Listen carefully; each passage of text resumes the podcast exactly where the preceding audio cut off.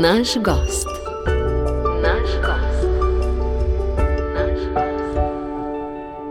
Spoštovane poslušalke, cenjeni poslušalci, lepo pozdravljeni v današnji oddaji Naš gost, v kateri pozdravljam Jožeta Andolška, Salezijanca, ki ga pozna avstrijska koroška, ki ga poznajo tisti, ki so tjakaj zahajali, obiskovali slovensko gimnazijo, ki ga poznajo tisti, ki so del župnije svetih Cirile in Metoda v celovcu, pa oni, ki so povezani z misijoni, posebej z Etiopijo, tisti, ki so doma z njegovega konca in še mnogi ostali, pa ga boste spoznali v današnjem pogovoru. Prav lepo pozdravljam res sogovornika Jožen Dolček, pozdravljeni, dobrodošli. Lepo pozdravljeni tudi vsi poslušalci Radia Ognišča. Jože, začela bi z opravičilom poslušalkam, poslušalcem, da se bova tikala, tako je tudi takrat, kadar mikrofona ni zraven, posebej smo to ves stkali. V tistem letu, ko smo pripravili pustno sobotno iskrico in odšli v tebi tako srcu, blizu Etiopijo, več o tem misijonskem in misionarskem delu nadaljavo bova seveda spregovorila v nadaljevanju. Jaz bi se zdaj ustavil pri začetkih, pri otroštvu, če greva čisto malo kronološko. Uh, odkot prihajaš, iz kakšne družine, kakšne so tvoje korenine, ki so te peljale tudi v duhovniški poklic. Ja, prihajam iz Boštanja, pri Sevnici, to je ena sila prijetna vasica. In uh, živel sem v družini, kjer so bile dve starejši teti, uh, brat pa sestra in pa starša. Uh, lahko rečem, zelo lepo smo se razumeli, posebno zvečerne molitve.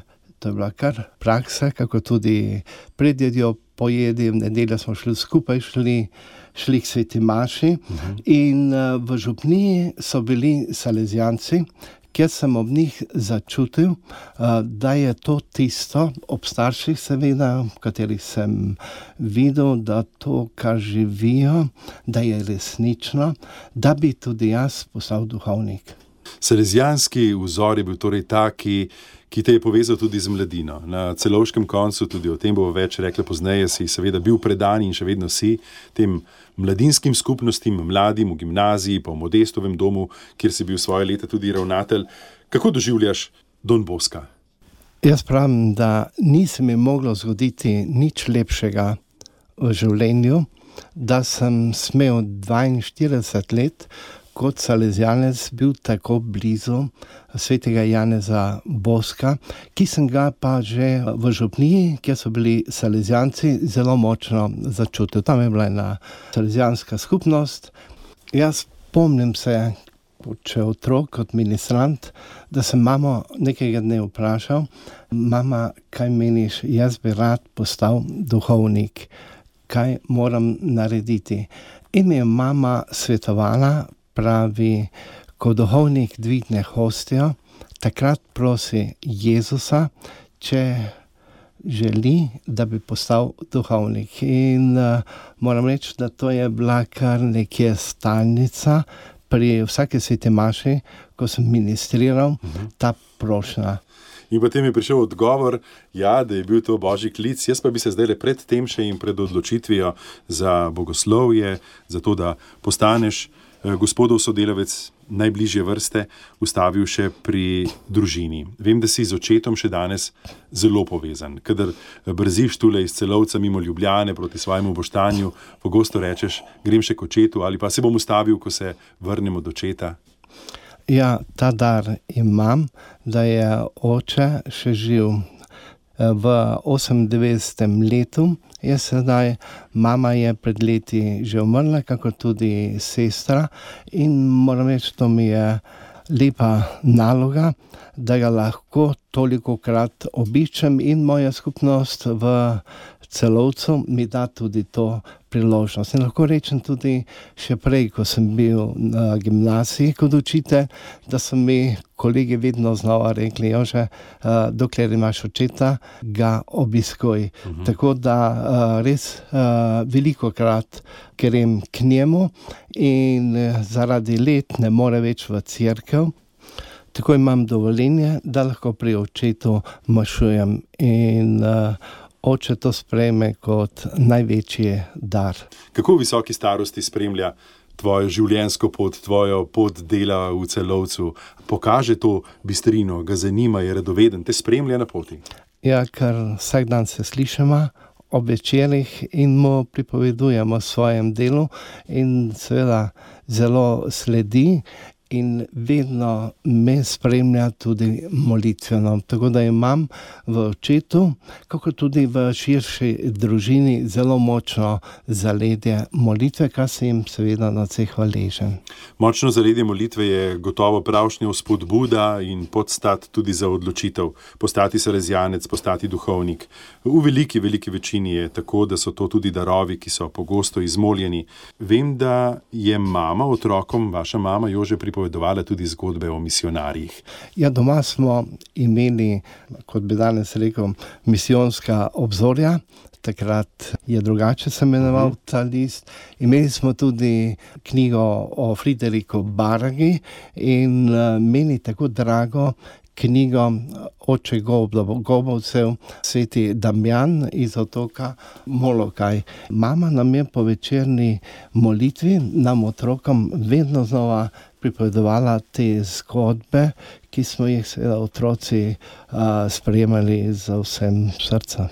In zdaj, če prestopiva to otroško dobo in vse, kar te je peljalo proti odločitvi postati duhovnik, kako je potem res bilo z, z, z odločitvijo za študij, z odločitvijo za nadaljevanje življenja. No, po osnovni šoli sem naredil prošlo, da bi šel k Salezijancem in sem seveda, naredil gimnazijo, in pa potem kar naprej nadaljeval z študijem bogoslovja, ki sem ga zaključil 1979, takrat je bila tudi v moji rodni vasi, Fari, uh, Sveta Maša. To je dogodek, ki me lahko rečem še danes. Tako močno spremlja. Mhm. Kako se spominjaš, prvo nove maše, to so vedno zanimivi spomini. Ja, Kako je takrat doživljal novomašnik? Ja, zbrala se je velika množica, kar mi je vedno bilo všeč, da so sodelovali tudi tisti pri sveti Maši, ki so drugače bili nekje daleč od crkve. Ampak uh, so imeli to zavest, nekdo izmed nas, vaščanov, je pač prišel do te poklicanosti in uh, so delili vsi to veselje. To mi je bilo najlepše, pa seveda pevski dvori, otroci, mladina, tako da sem res uh, užival.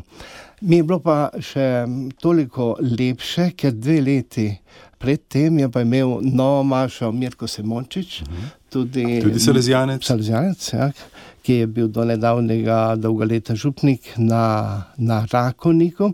No in takrat sem jaz imel priliko, da sem spoznal kot ceremonial vso faro. To pomeni, da smo z mladino zelo veliko se družili, pripravljali sveto mašo, petje, da je bilo res uh, za me tudi eno uh, najlepših doživeti, da sem že takrat malo gledal naprej. Tako bo pa čez dve leti, ko bom, ko bom jaz in se je to res zgodilo in sem Bogu hvaležen za to pot, ki sem jo naredil v teh 42 letih kot duhovnik. Tako se rezijanec Jože Andolček, ki je danes naš gost, gleda k spominom k novi Maši, zdaj oddaljeni že več kot 40 let. Tako. Ta obletnica je že za teboj, Jože. Pa me zanima, kako pogosto se duhovnik spomni nove Maše. Ali samo takrat na praznik, ko pride obletnica, ali tudi sicer, ko se zazreš, ne vem, v križ, denimo, ki je bil dan na pot. Lahko rečem, da se večkrat spomnim uh, tega dogodka. Posebno se ga pa spomnim, ko sem imel 40-letnico duhovništva in sem se našel v cerkvi, sam in sem se Bogu zahvaljeval za to pot 40 let. In kaj mi je ostalo zelo močno, uh, spomin, ko sem se zazrl v križo pot. Zakaj? Ko sem bil še povsem majhen, se spominjam, da me je mama vodila po postajah križovega pota in mi je pripovedovala kako so bili uh, vojaki uh, hudobni do, do Jezusa, ampak uh, kar mi je posebno še ostalo, da ni končalo se ta zgodba o Jezusu na križu, ampak da je Jezus vstal in da živi v naših srcih.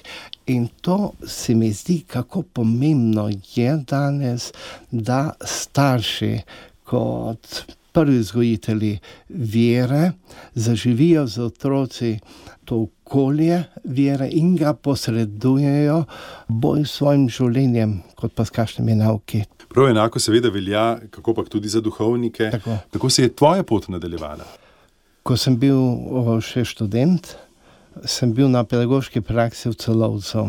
No, potem sem se vrnil in po posvečenju me je moj inšpektor vprašal, je rekel, Jože, dve mesti imam za te, ali ostaneš kaplan na Kodeljevem, ker sem bil v šestem letniku odgovoren za mladino, ali pa, ker si mi večkrat omenil, da si eh, se zelo uživel v celovcu tisto eh, leto prakse, lahko pa greš tudi v celovec. No, in jaz sem slednje to čakal. In tega sem bil na C vesel. Mhm. Torej v celovcu, tam v slovenski skupnosti, seveda čez mejo na avstrijskem Koroškem, že od rane salezijanske mladosti. Takoj po novem maši sem prišel gor, najprej sem bil vzgojitelj, na to po, po treh letih pa hkrati vzgojitelj in pa prosili so me, če bi poučeval veruk na slovenski gimnaziji. Ravno takrat je šel znan katehet dr. Janez Polanc v pokoj in uh, je šel v kapelari. Prosim, če bi začel z tem lepim delom. Jo, že kakšna skupnost te je sprejela? Zdaj, če pogledaš na tamkajšnjo celovško župnijo, pa potem na vse, kar je mladega vrvelo takrat v celovcu v gimnaziji, je to bilo pred 40 leti precej drugače kot je danes? Drugače je bilo. Ampak uh, tista lepota mladih ljudi, uh, tisto zagnanost, tisto iskanje, je pa ravno tako opažam danes, kot pa pri 40 uh, leti. In jaz se res Bogu zahvaljujem, da sem lahko z mladimi živel. Ta desetletja, po večini, tako nazaj uh, se oziram, so me poiskali uh, mladi, katerim ni šlo dobro, ali v družini, ali v razredu, ali pri raznih predmetih, in sem lahko vstopal v to njihovo življenje. Torej, kot profesor, katehet, kot nekdo, ki mu lahko zaupajo svoje bremena, skrbi, so te razumeli pravzaprav kot duhovnika. Tako. Jaz mislim, da koroška to je nekaj edinstvenega. Zdaj smo seveda radovedni, za kakšno edinstvenost gre, kaj je tisto posebno, kar, kar vidite v tej koroški državi in tamkajšnjih ljudeh. Enostavno vera, pa narodnost, to je tako močno prepredeno na koroškem. In lahko rečem, da je 20-25 let, da praktično mi na gimnaziji niti nismo imeli kakšnega psihologa, ampak zelo veliko tega dela je šlo preko nas, katehetov. Kadar dijakom ni šlo, so se obrnili na nas, tega sem bil zelo vesel. Ravno tako v postnem času, adventnem času tudi sedaj. Ravno tako v začetku, ko sem prišel, mislim, da je 15-20 let, smo spovedali katehetje do polovice ali pa še več dijakov in smo jih tako pripravili na praznik Jezusovega stajenja, odnosno na, na Božič.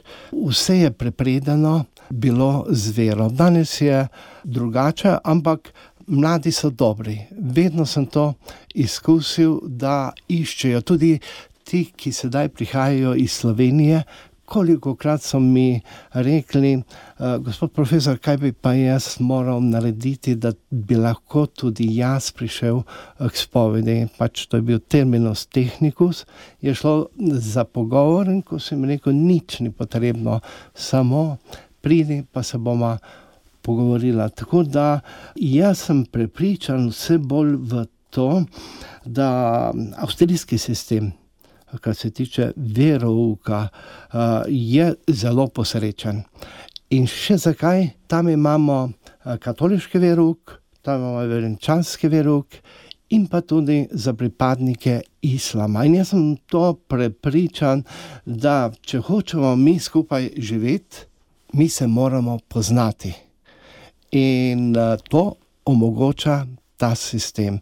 Pa tudi to mi vedno pride, ne glede, katera stranka je bila vlade, ali so to bili, da tako rečem, plave ali črne socialisti.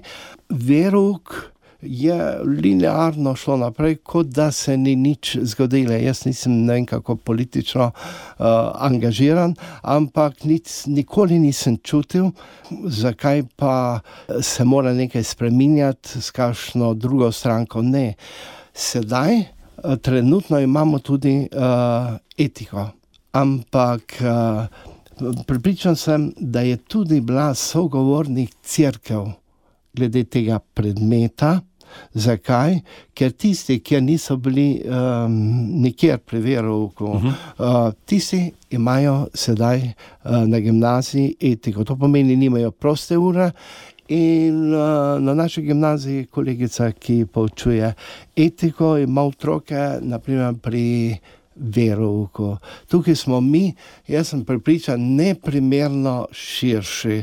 Če hočemo mladim dati nekaj več, jim moramo omogočiti to miselnost, iz katere izhajamo tisočletja, judovsko-krščansko miselnost, tudi to. Te pojavi, ki se dogajajo v teh, da rečem, nekaj desetletij, to bo prešlo, kar pa ostane, so pa te vrednote, ki so tako močno zakorenjene v tem zahodnem svetu, da bojo že spet prej, ko slej prišle na plano. Jože, ko smo v akciji Dobroti dajemo glas, bili skupaj v Etiopiji, sem te začutil, spoznal tudi kot nekoga, ki je zelo dovzeten za stisko drugih, tudi v tej luči, da se ga ta stiska nekako tudi prime, da, da malo trpi s trpečimi da tudi sam potem morda težje nosi svoje korake in svoje bremena, ker mu je zaupana tudi teža koga drugega. A te je to kdaj skrbelo, se ti je to dogajalo potem takem tudi recimo v gimnaziji, ko si kot spovednik slišal karkoli takega, kar si potem nosil s seboj, ali pa morda ne pri spovedi, kot tisti, na katerega se je dijak gimnazijec obrnil, hude skrbi, teža njegovega osebnega življenja. Je bilo to včasih težko potem nositi? vedno vse te probleme sem preložil na Boga. In zanimivo vprašanje, ki sem ga postavil, ki sem ga v šoli večkrat dobil, uh, kako shajam s temi problemi, napakami, slabostmi, ki mi jih pripovedujejo uh, dijaki, dijakine ali pa. Uh, več kot deset let sem hodil študentom v, na Dunaj in vedno sem to predal Bogu to mi je bilo uh, lepo. Kar se pa tiče, ko sem delal v posvetovalnici, s temi problemi sem se pa uh, bolj ukvarjal. Uh -huh. uh, s tistimi problemi, kako bi naprej peljal do psihologa. In mi imamo na Koroškem zelo dobre strukture pri Karitas. To pomeni tudi takrat, ko sem spovedoval In uh, sem videl, da gre za neko inklinacijo, ki gre za neko klinični pristop. Sem uh, vedno poiskal, odnosno svetoval, da gre na karitas dr. Baumanu. In zanimivo je to v začetku. Je veliko prihajal k nam Trstenjak, profesor Trstenjak, tudi je imel tam sošolca v Sloveniji, Plajbarko, in se je oglasil uh, v Modestovem domu, tam sem bil ravnatelj. In sem ga jaz prosil, sem rekel, so profesor, a jaz lahko kakšnega pošten k vami, a bi lahko, kateremu ne bi šlo. No, in uh, imam zelo lepo izkušnjo. Profesor Tasenjak mi, uh, mi je rekel, pravi, že, uh, kar ne pride v nedeljo ko jaz povedujem na Brezjah, dijak, dijakinja z družino, naj starše rečejo, da smo družinski prijatelji, da smo si dobri in da naj pove uh, svoje probleme. In kar nekajkrat je on v prvem pogovoru rešil, da rečem, tisti zaplet. Sem pa imel potem starejše dijake, uh, ki jim ni šlo dobro in sem videl, da pač jih treba klinično obravnavati. In sem mu telefoniral in rekel, že to pa ne morem, ker gre za redno terapijo. Jaz pa zelo veliko predavam po svetu, zelo veliko uh, pišem, to pomeni, jih ne bi mogel imeti redno kot klijente. Zato sem jih usmeril v celovec na Karitasa. Mhm. No, zanimivo je že to, da so lahko take skrbi del šolskega sistema, ne? nekoga, ki je upet v vsakodnevni pouk. Praviš, da je to ta morda velika razlika. Ja, zanimivo ne? je to. Jaz sem veliko krat spremljal uh, dijake, dijakinje v Slovenijo k nam. In moram reči, v tistem tednu, ko sem živel v Sloveniji z dijaki, z učitelji, um, kar hvaležen po enem tednu, mi smo tako skupaj zrasli, da smo bili, da smo bili res ena takšna. Uh, skupina, in uh, moji dijaki so ponovadi rekli, gospod profesor, medtem pa tisti dijaki, kjer sem bil, uh, sem jih pa naučil, da mi rečejo župnik Jože. Zakaj? Tako so imenovali tudi svojega župnika, in potem so -huh. telefonirali uh, na gimnazijo, če res imajo župnika. In moram reči, da imam najlepše spomine, da še sedaj smo z nekaterimi učitelji, ravnatelji uh, v prijateljskem odnosom. No, sem pa doživel enkrat tudi to, da ko sem prišel domov, sem napisal mail in s direktorju šole in sem rekel, takrat in takrat pridem, bom imel uh, mašo v župniji in po maši bom imel predavanje v Etiopiji. No in potem mi telefonira, pravijo, že če jaz to naredim. Jutri je tukaj minister in čez dva dni mene nikjer ni več. V Sloveniji, ne? V Sloveniji Tako, in, naše razmere. to, in to me dejansko zelo močno uh, jezi, da je to sploh nekaj takega možno. Ali, No, vse mrsikje je, hvala Bogu, tudi drugače, ampak seveda se pa Tako, lahko zelo zaplete. Ko sem bil uh, v Piranu, smo imeli UNESCO šolo tam. Uh, z dijaki, pa, pa dijakinjami. No, in potem smo mi imeli v Portoroškem auditoriju predstavo. In mislim, da je bilo enih deset držav, med drugim smo bili tudi mi, korosci, in uh, vse lepo potekalo. Potem mi smo zapeli, koroška, koroška, ljudje ploskali. In, tak. in takrat bi mogel biti en film, ki ga je naredila filmska družba Artis, in tistega filma ni bilo. Ja, In zakaj ga ni bilo? zakaj? Ker je tam sedel minister, in v vsakem filmu pa je en del tudi duhovnosti. Seveda, ker gre In- za misijonske filme. Ja, in je rekel, Jože, tajmik me je tisti neki jovo, kaj je bil. Hočem reči, da te stvari so me vedno, vedno vzele kar nekaj energije. No. Torej, kar je tam čez karavanke samoumevno in vse povsod prisotno, To. je pri nas lahko tudi zavora. To. Tudi, mm, naprimer, to, ko sem začel na gimnaziji poučevati, uh, oni so me takoj našli, takrat je bil še jugoslovanski konzulat, in so me klicali na pogovore. In mi po Hrvaškem, seveda, Ja. ja. pa šta ti tam predavaš, ono, teologijo. Uh, psihe, to je vedel, da je psihe pomeni duša, in smo imeli neke pogovore, ki bi rekel tako infantilni, nič ni iz tistega, ampak so me vedno nekje lovili in so rekli, da to, kar se mi pogovarjamo, to je vse med nami. In jaz se samemu sebi čudim, da takrat nisem, pa je bila še Jugoslavija, nikoli pomislil, da bi spremenil državljanstvo. Tudi sedaj, ko je Slovenija, da bi spremenil, ker bi imel tam naj na zadnje Ja, ugodnosti kakšne. ugodnosti Ja. za napredovanje in tako naprej, ampak ta tema ni bila. Ne? Kot, m, naprimer, zelo močno sem doživel v Stranjah eh, pri Francu Gačniku z skauti. Tam na začetku 80-ih. Tako je. Ja. Mislim, da je bilo 82. No, mi smo taborili in žene so nam vsak dan uh, pripravile peko kruha iz uh, peči Ja. in dobrote nosili in kaj bi naredili kot zahvalo. Uh, zadnjo nedeljo zvečer smo naredili za vse, za celo župnijo, uh, svetomašo.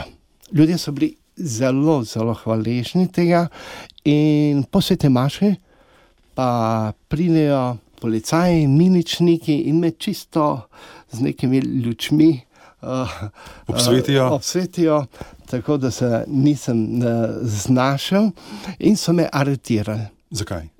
Ker so mi skozi govorili, ali vi veste, kaj je to kultni prostor. To pomeni, mi smo imeli naravi se to mašo, ne? Aha. Uh, ti lahko imaš mašo samo v cerkvi. Mislim, da je v vem, kaj, desetih minutah so mi vedno pripovedovali, ali to veste, kaj je to kultni prostor. In potem ta stvar je šla potem na občinsko sodišče v Kamnik in potem je romalo na vrhovno sodišče v Ljubljano in ta tožba se je vlekla dve leti. Nemogoče. Dve leti. Zaradi svete maše v naravi.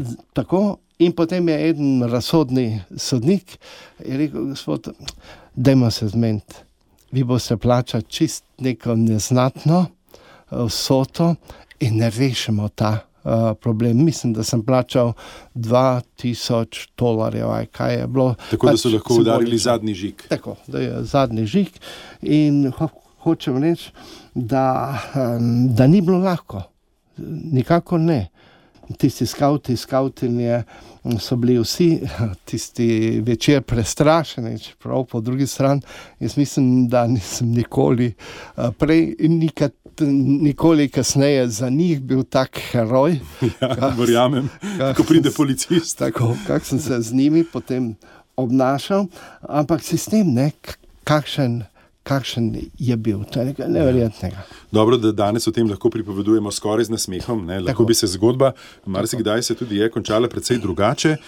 Ampak tako je bilo, danes upamo, je drugače tudi s to vrstno svobodo.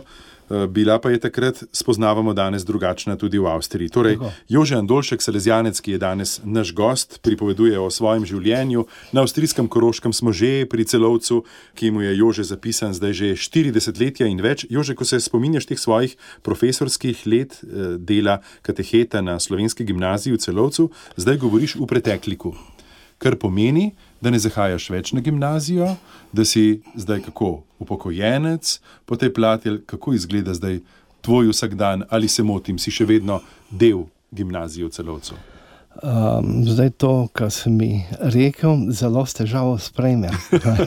Seveda, tako aktiven vsa desetletja, verjamem. Najprej, najprej to, no, ko je začela ta pandemija, uh, takrat sem še do konca leta nadaljeval uh, delal z razredi, no potem je pa iz ministrstva prišel odlog, da učitelji nad 65 let, ki so v tako imenovani rizični skupini, Ja. naj ne poučujejo več. In ravnateljica Zalka me kliče, pravijo, že s težavo ti moram povedati, da trenutna situacija je takšna, da nisi več učitelj. Takrat sem bil 70 let star, to pomeni dve leti od tega, Ja. ampak eh, jaz sem še vedno povezan z gimnazijo. To mi je všeč, mi dajo vedeti, da lahko vedno prihajam med dijake. Na zadnje sem bil v začetku oktobra, ko se je začela ta dobrodelna akcija, uh, vsakoletna, topel obrok za dijake v Etiopiji. To pomeni, vsa gimnazija se zbere, kot predstavitev pokažemo film, tokrat misijon iz ljubezni do Etiopije, uh -huh. in potem dijaki dobijo vsak list, dvojezično opisan, zakaj gre, in zadaj pa ko gredo od družine do družine po Južnem eh, Koroškem, vsak zapiše, koliko je dal. V treh, štirih tednih, to pomeni, uh, smo tako podaljšali, da po praznikih vseh svetih, to pa zato, ker veliko domačinov pride v družino, da bojo še takrat zbirali in prinesijo ta dar v šolo. In ta dar iz leta v leto je tako od 22 do 25 tisoč. Euro in jaz dijakom povem, da je to v Etiopiji 100 tisoč evrov in se ne moreš misliti, kako so ti dijaki veseli. Zakaj?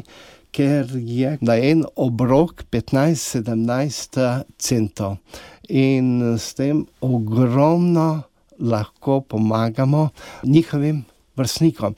In še nekaj vidim, ta vzgojni moment, ki je tako pomemben, in vse bolj spoznavam, da starši znajo to ovrednotiti. Bodici, da pridejo do nas katehetov, ali do ravnateljice in se zahvaljujejo za vse, kar delamo v postnem času, pa zbiramo živila. In uh, ob koncu postnega časa jih peljemo v Podgorico in jih Salezijanci v našem centru potem razdelijo res najbolj potrebnim.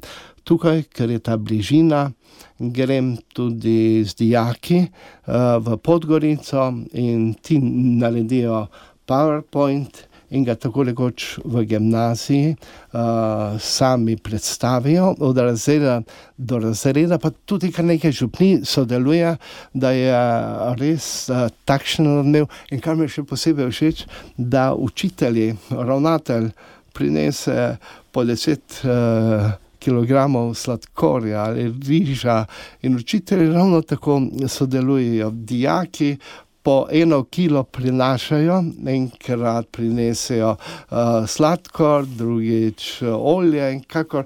In je, kot je rekel prejšnji ravnatelj, dr. Miha Vrvinc, to je neko gibanje. Bodi si ta akcija, ki jo imamo trenutno za Etiopijo, kako tudi za, za Etiopijo. In lahko rečem, Koroška, pa Slovenija, ravno tako ne. Kadar gre za dobrodelnost, ni meja in to vedno znova lahko občutim na svoji koži. In ravno včeraj mi telefonira Estefanos, Fazar Estefanos je prejšnji provincial. In ko smo mi bili v Etiopiji, povejva. Ja, ja. Ko smo bili v Etiopiji, se spomniš, da je nas redno, redno tudi spremljal. Spremljal, ja. In mi telefonirajo, že mi imamo v Džibutiju uh, en džip in ga nujno potrebujemo. Ta džip je že plačan uh, od dobrotnikov, ampak iščemo trenutno 50 tisoč evrov za tako imenovano carino. 50 tisoč, ja. pa avto je že plačan. Avto že plačan. No, to je pa drugače kot z obroki. Tako, ja, tako. Tukaj je pa na glavo obrnjeno. Ne, to je nekaj neverjetnega. Tudi tisti, torej, davka je toliko, če prav razumem. Davka 50 tisoč in sedaj na vso moč iščemo ta denar, uh, bodi si v Sloveniji, bodi si tudi v Avstriji, da dobimo to vsoto. Meni veliko pomaga, ker sem, da tako rečem, Alpe Adria projekt ja, ja. in uh, avstrijske dobrodelne organizacije res veliko pomagajo, kot naprimer uh, Jugend, Eine Welt, potem Retet, Daskin, potem Dombosko. Misijo in še druge manjše, so vedno pripravljene dati en delež, in to mi je res. Olajša delo. Tako. Tako, tako. Predstavljeno ja, zaupanje ja, ja, tudi ja, višjih in drugačnih tako. struktur. No, mislim, spoštovane poslušalke, cenjeni poslušalci, da ste zdaj le tudi sami spoznali, kako se je mojemu sogovorniku, gospodu Jožetu Andolšku, razvezal jezik, ko smo prišli do prave teme. Ko smo govorili o mladosti, ko smo govorili o njegovi poti v celovec, tam je bil skromno zadaj, zdaj le, ko govorimo o drugih in o potrebah v Etiopiji, pa se je jezik razvezal in tega se veselim, ker teme v nadaljevanju bodo namreč prav take misijonske. Jože Andolček, kdaj je v srce vstopila ta želja pomagati temu svetu, ki potrebuje misionarje in je hvaležen, vesel tudi za misionarje, ki delujete nadaljavo. Mi smo dali takrat. Jo že kar tako delovno ime, misionar nadaljavo. Ker, Ja. eh, ko- kadarkoli govorimo o misionarjih na Madagaskarju, se predstavljamo, da živijo tam. Kadarkoli predstavljamo misionarje, misionarke v Južni Ameriki, pomislimo vem, na sestro Andrejo, pa na njeno življenje v Venezueli. Kadar govorimo zdaj v zadnjih letih o Etiopiji, pa poglej, pomislimo na celovec in Jožeta, ki biva tule malo severno od nas. Pogosto je seveda tudi v Etiopiji, ko je treba kakšno stvar izpeljati fizično do konca, ampak kdaj se je pa ta misijonski del srca prebudil v Salezijancu? Torej, uh, misijon nadaljavo. Uh, mislim, da je ta uh, izraz skoval Jure Sešek. Ne pustiva, pustiva, ampak je pravi zagotovo in te opisuje. Ja, in uh, prvič sem zelo močno začutil, tam leta 84-85, ko smo na ravni celotne družbe bili povabljeni, da pomagamo Etiopiji. Takrat je milijon ljudi, po večini otrok, umrlo. In uh, že takrat se je uh, Cezare Bulo, Ja. ki ga sam imam za enega res največjega misionarja na svetu, saj je rešil 500 tisoč življenj preko s pomočjo uh, Caritas Internationalis, mednarodne Caritas. Mhm, To so tisti trenutki, že oprosti, ko je tudi uh, sveta, zdaj sveta, mati Terezija prišla v Etiopijo, To. pa ko si je izpeljal ta Live Aid, vel, največji koncert, dobrodelni še danes. To. Ja, To, ja. Čezare Buro je salezijanski brat, ki biva, Tako, dela, živi v ja. Etiopiji. Salesijanec in uh, ta je zaprosil tako rekoč celotno družbo, in takrat smo prvič, tako rekoč tudi moja skupnost, vstopila v pomoč tem ljudem. Uh -huh. In potem enostavno, simultano so prosili, ali lahko kaj več pomagamo. In jaz sem se potem napotil do filmske družbe Artis, če bi bili pripravljeni, da bi naredili kakšne tako imenovane impuls eh, filme, uh -huh. in pa seveda uh, moji dijaki, dijakinje. Sem nekje začutil, uh, da bi pomagali. Eno in drugo me je tako močno uh, se dotaknilo, in da sem videl, tukaj pa lahko tudi sam, kot salezijanec, uh -huh. ki je že dobosko pošiljal misionarje v svojem času v misijone, lahko naredim nekaj lepega, dobrega. Seveda, brez misijonskega središča Slovenije uh, ne bi bilo te zgodbe tako široke da rečem, uh -huh. kot je. Ne? Tu gre za rečem, nekaj manj kot tisoč botrov, potem uh, no, mislim, da 4-5 avtomobilov smo tja poslali.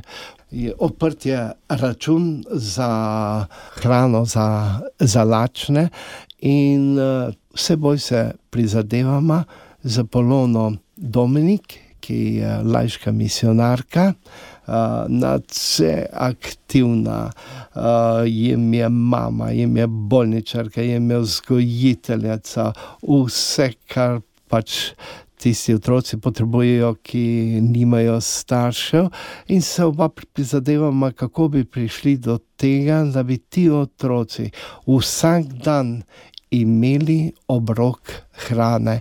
In se lahko le zahvaljujem vsem vam, dobri ljudje, da ste tako velikodušni, da lahko pomagamo res najnujnejšim.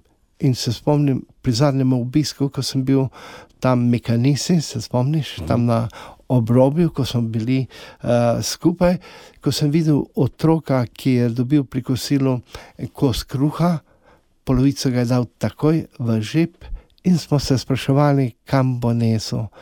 Pa pravi, da ima doma staro mamo, da ima sestrico in tisto polovico kruha, ki bi ga sam tako rad zaužil, je delil z svojimi. Jo, že prav te zgodbe, te osebne zgodbe, kot je bila zdaj ta s fantom, ki je dal kos kruha, ki bi ga še tako seveda potreboval in verjamem si, si ga tudi želel, shranil za druge te osebne zgodbe. Boleče, ki so prikazane v mnogih filmih, zapisane v takih in drugačnih knjižicah, se mi zdi, da je to tisto, kar tebe osebno najbolj nagovori. Ne ena bolečina države, ki je tako ogromna, z milijoni prebivalcev in ne vem, stotimi jeziki v celoti, ampak te osebne zgodbe ljudi, s katerimi se lahko tudi osebno srečaš, pa tudi če se ne, po pripovedi ostalih, ki so v Etiopiji, to je tisto, kar te najbolj nagovori. To, kar si rekel. Tudi sedaj vidim trenutno na severu Etiopije, kaj me tako teži. Je ravno to, da poznam kar nekaj ljudi, nekaj mladih, uh, posebno celotno družino Estefanosa, Salezijanca. In sem bil nekajkrat pri njih, pri sestri, uh, leta 19, ko je dobila dvojčka. In uh, vse te ljudi poznam. In to me tisto, ki spremlja vsak dan mhm. v misli, in vsak dan pri molitvi, vsak dan pri sveti maši. Žalosten sem zaradi teh otrok, ne, ki so lačni, žejni, mhm. bolni, toliko mrtvih otrok, žena, starcev. Pa toliko razseljenih, ki je, predvsem, zvera otrok, pa staršev. Zato res prisrčna hvala vsem, ki imate odprto srce. Vsak dan molim, da bi zavladal mir, da se konča ta vojna. Grozne zgodbe, ki jih piše človek sodobnega časa, pa se zdi skoraj neverjetno. No, in so tudi drobne zgodbe, ki pa take grozne zgodbe skušajo ublažiti. No, in ena takih drobnih zgodb bo tudi koncert, na katerega bomo tudi v našem programu vabili čez teden dni pri Frančiškanih v Ljubljani. Res, da je en tak koncert pravzaprav lahko le opozorilo ali pa ena drobna kapljica v morju, ampak kot bi rekla. Mati Terezija, ki smo se že dotaknili, če te kapljice ne bi bilo, bi bilo morje pa z eno kapljico. Tako. Tako slabše, oziroma ja. nižje. Ja. Ta če, drobna reč, tako, drobne stvari. No, in so na drugi strani, Jože, pa gotovo tudi zgodbe, ki te opogumljajo, ki ti dajo moč tebi in vsem, ki čutijo z misijoni. Lepe zgodbe, ki so pogosto povezane tudi z botrstvom, recimo kakih infantov, deklet uh, iz mest ali iz podeželja, ki bi brez pomoči botrov ostali če rečem grdo, tam nekje, tako pa pridejo do izobrazbe, mnogi celo do zdravniškega, medicinskega tako, poklica. Tako.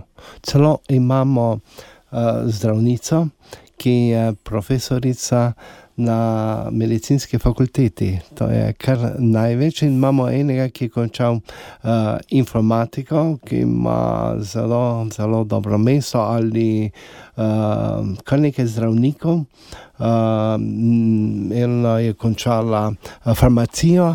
In kar je zanimivo, tudi ta primer, ko smo ga uh, tako rekoč tam doživeli, ta avet, ki se je prodajala, uh. -huh. ki je po dveh, treh letih potem dobila svoj salon.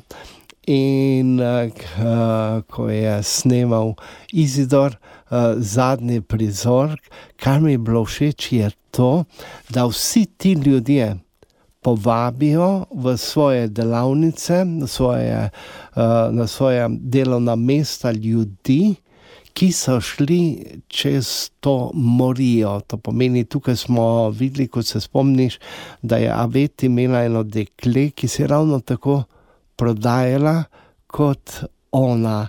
In eh, ne bom nikoli pozabil, kaj je tisto, uh, česa se pa bojim. Je rekla, Avet, če mi je bilo prej vse eno, ob kateri koli uri, seveda morala iti na ulico ja. je gospodar poslal, sedaj pravi, se pa bojim po noči iti na ulico, da me ne bi kdo ranil. Življenje je zelo kruto, se vidi seveda, v takih misijonskih korakih in v različnih zgodbah. Jože, pa vidiš recimo luč na koncu tunela, zdaj si že tako dolgo opet to etiopsko, afriško zgodbo. No, jaz se razlagam tako, da dostojanstvo človeškega življenja vsakega se začne od začetka, to pomeni pri spočetju, na to pri zakramentu krsta, in potem smo kar v embrionalnem razvoju, ki gre napram ostalemu Jezusu. Res je v zadnje misel Tjarda Šardena, ki govori o poveličanju vsega, kar je. In uh, vem in sem prepričan, da je dobrote veliko več kot pa hudega, kot pa mračnega. Uh, in uh, to močno upam. Je pa res to, to kar si prej rekel, uh, to tudi uh, mojim dijakom rečem, ob koncu, ko, ko prinašajo svoje sredstva, da ta kapljica, ki so jo prinesli, je za nas bistveno potrebna. Če jo ne bi bilo, bi nekaj važnega manjkalo. In uh, sam lahko samo upam, da v uh, molitvi, uh, obhajanju Euharistije, da lahko spremenjamo ta svet na lepše. Jo že meni primerjave veliko povedo, če se gost v taki ali drugačni temi ozre nazaj, pa skuša to primerjati z današnjimi dni. Ti te klice po pomoči iz Etiopije zdaj res že dolgo sprejemaš, spremljaš, pomagaš pri odgovoru, pri odzivu. A se ti zdi recimo trenutna situacija bolj kričeča po pomoči kot pred recimo nekaj desetletji? Neprimerno bolj sploh ni primerjave danes. In uh, ko me uh, moji sobratje pokličejo, uh, da bi prijeli kakšno manjšo vsoto, in jim pošljem, in oni uh, z svojimi ljudmi, svojimi mladimi, ki so doma uh, iz severa, uh, jim dajo to vsoto, naprimer 1000 evrov, -huh. in jo nesejo. Mi imamo štiri skupnosti na severu, in uh, ko pridejo po 14 dneh, uh, dajo z neko šifro vedenje, da so prinesli. Ampak to je toliko hvaležnosti v tem, za nas lahko rečemo, majhnem daru. Ja. Oni pa se znajo uh, tako razveseliti, in, uh, ker vedo. Da s tem denarjem bojo naredili ogromno dobrega. In vsa leta, uh, ko sem v Etiopiji, kaj spoznavam, da Salezijanci s tem denarjem, ki ga pošljemo tja, delajo čudeže. To je nekaj nevrjetnega, ne bom kaj pozabil. Ko je uh, prosil me, uh, brata Čezare, pravi Jože, ali imaš denar, da gremo po uh, kekse. Uh, to so neki multivitaminski. Uh mhm. -huh. In moram reči, za 250 evrov smo medva uh, dobila vse čip, vse polno in s tem je rešil ne vem koliko ljudi. Imunski sistem uh, je padel takrat. Tako, tako. In uh, bolj si naši selezijanci, s katerimi sodelujemo, ušulinke, uh, frančiškanke, sestre matere, Terezije, kdorkoli pride uh, v uh, center, kjer smo selezijanci, nihče ne gre brez pomoči. In to mi je tako všeč, da tudi Salezijanci ne gledamo samo na sebe, ampak uh, na, na vse druge. Tam, ko smo bili v Mekanisi, obrobje, sirote iz uh, bolnice sestre Matere Terezije ja. prihajajo vsak dan na obrok v Salezijanski center. Mhm, torej ta povezanost, tako, ki živi, deluje, ki ohranja ljubezen z veliko. Med redovniki. Kadarkoli se pogovarjamo z misionarji, pa ne bo to v kratkih rubrikah ali v daljših oddajah, kot je današnji naš gost, v kateri gostimo Jožeta Andoška, Selezijanca, misionarja nadaljavo, sicer iz celovca, no ali pa iz Boštanja, potem zdaj iz celovca, pa tudi iz Etiopije. Vsako tako priložnost izkoristimo tudi za neke vrste zahvalo ali za pogled k tistemu, kar ste. Spoštovane poslušalke, cenjeni poslušalci so ustvarjali. Mi smo bili takrat z akcijo Spustno sobotno iskrico, zdaj reže pred leti, povezani z Gambelo, torej tam z ubogim zahodom Etiopije, ki je zdaj samo, da se bo razumelo, ločen seveda na tisoče kilometrov z vojnim severom, o katerem smo govorili. Pa me zanima, Jože, kako je tam takrat, smo rekli, zbranih darov za vrsto let, 7, 8, 9 let, za skromen obrok za vse tiste na stotine otrok in gimnazijcev, ki prihajajo v šolo za vsakodnevni obrok, kako jim gre. Šola tam, ki ste jo zgradili z misijonskim središčem, tudi mm. mnogimi slovenskimi, pa avstrijskimi darovi, živi, za konec samo še ta pogled v Gambelo. Ja.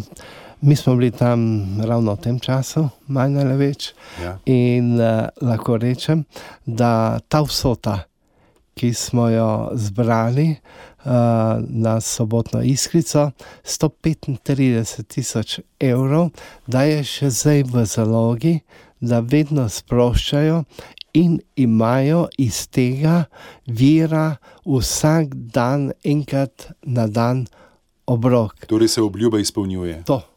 In kar mi je bilo najbolj všeč takrat o blagoslovitvi, uh, ko smo bili skupaj z Izidorjem in s teboj.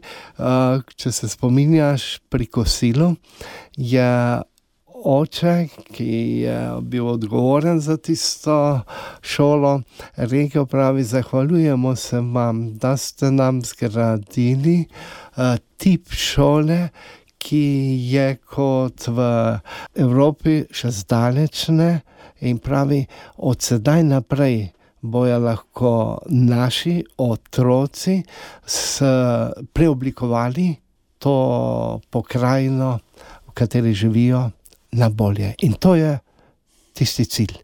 Bistvo misionarskega poklica, To. seveda ob evangeliju, Tako. ampak preko Jezusovega zgleda, besed življenja, priti do tega, To. kar si omenil. Tako. Tako je v oddaji naš gost razmišljal in k svojemu življenju in poti gledal Jože Andolšek, Salezijanec. Jože, prav iskrena hvala lepa za obisk v studiu, za dovoljenje, da smo lahko brskali po tvoji poti, po tvojem življenju. Hvala, ker si to storil tudi za naše poslušalce. Vse dobro ti želim tudi v njihovem imenu na celovškem koncu, doma, pozdravi očetu in seveda tudi Etiopiji, ki je tvoja zdaj druga domovina vsem ljudem, ki tam trpijo. In vabim spoštovane poslušalke, cenjene poslušalce, eh, k Frančiškanom. Prihodnjo soboto bo koncert, ki bo dobrodelen in o njem boste lahko več slišali tudi v naslednjih dneh, ko bomo na njega vabili. Jožen Dolček, hvala lepa za obisk v studiu, res vse dobro in nasvidenje. Prisrčna hvala. Ob sklepu, spoštovane poslušalke, cenjeni poslušalci, pa res še vabilo k sveti Maši z dobrodelnim koncertom za lačne v Etiopiji. Sveta Maša bo v soboto 12. novembra ob 19. uri v cerkvi Marijnega oznanjenja na Tromostovju v Ljubljani. Že sveta Maša bo tudi glasbeno bogata, po sklepu Maše pa bomo lahko prisluhnili mezzosopranistki Bernardi Fink, bas-baritonistu Markosu Finku, organistki Poloni Gantar in župnijskemu zboru patra Hugolina Satnarja z dirigentskim vodstvom dr. Matjaža Barbe. Med skrbno izbranimi skladbami bodo misijonska pričevanja, torej vabljeni na lep večer čez teden dni, v soboto 12. novembra ob 19. uri v cerkev Marijnega oznanjenja na Tromostovju v Ljubljani. Pri frančiškanih bomo torej skušali podati roko lačnim v Etiopiji. Še enkrat hvala za pozornost v oddaji Naš gost, pripravil sem jo Jure Sešek. Naš gost.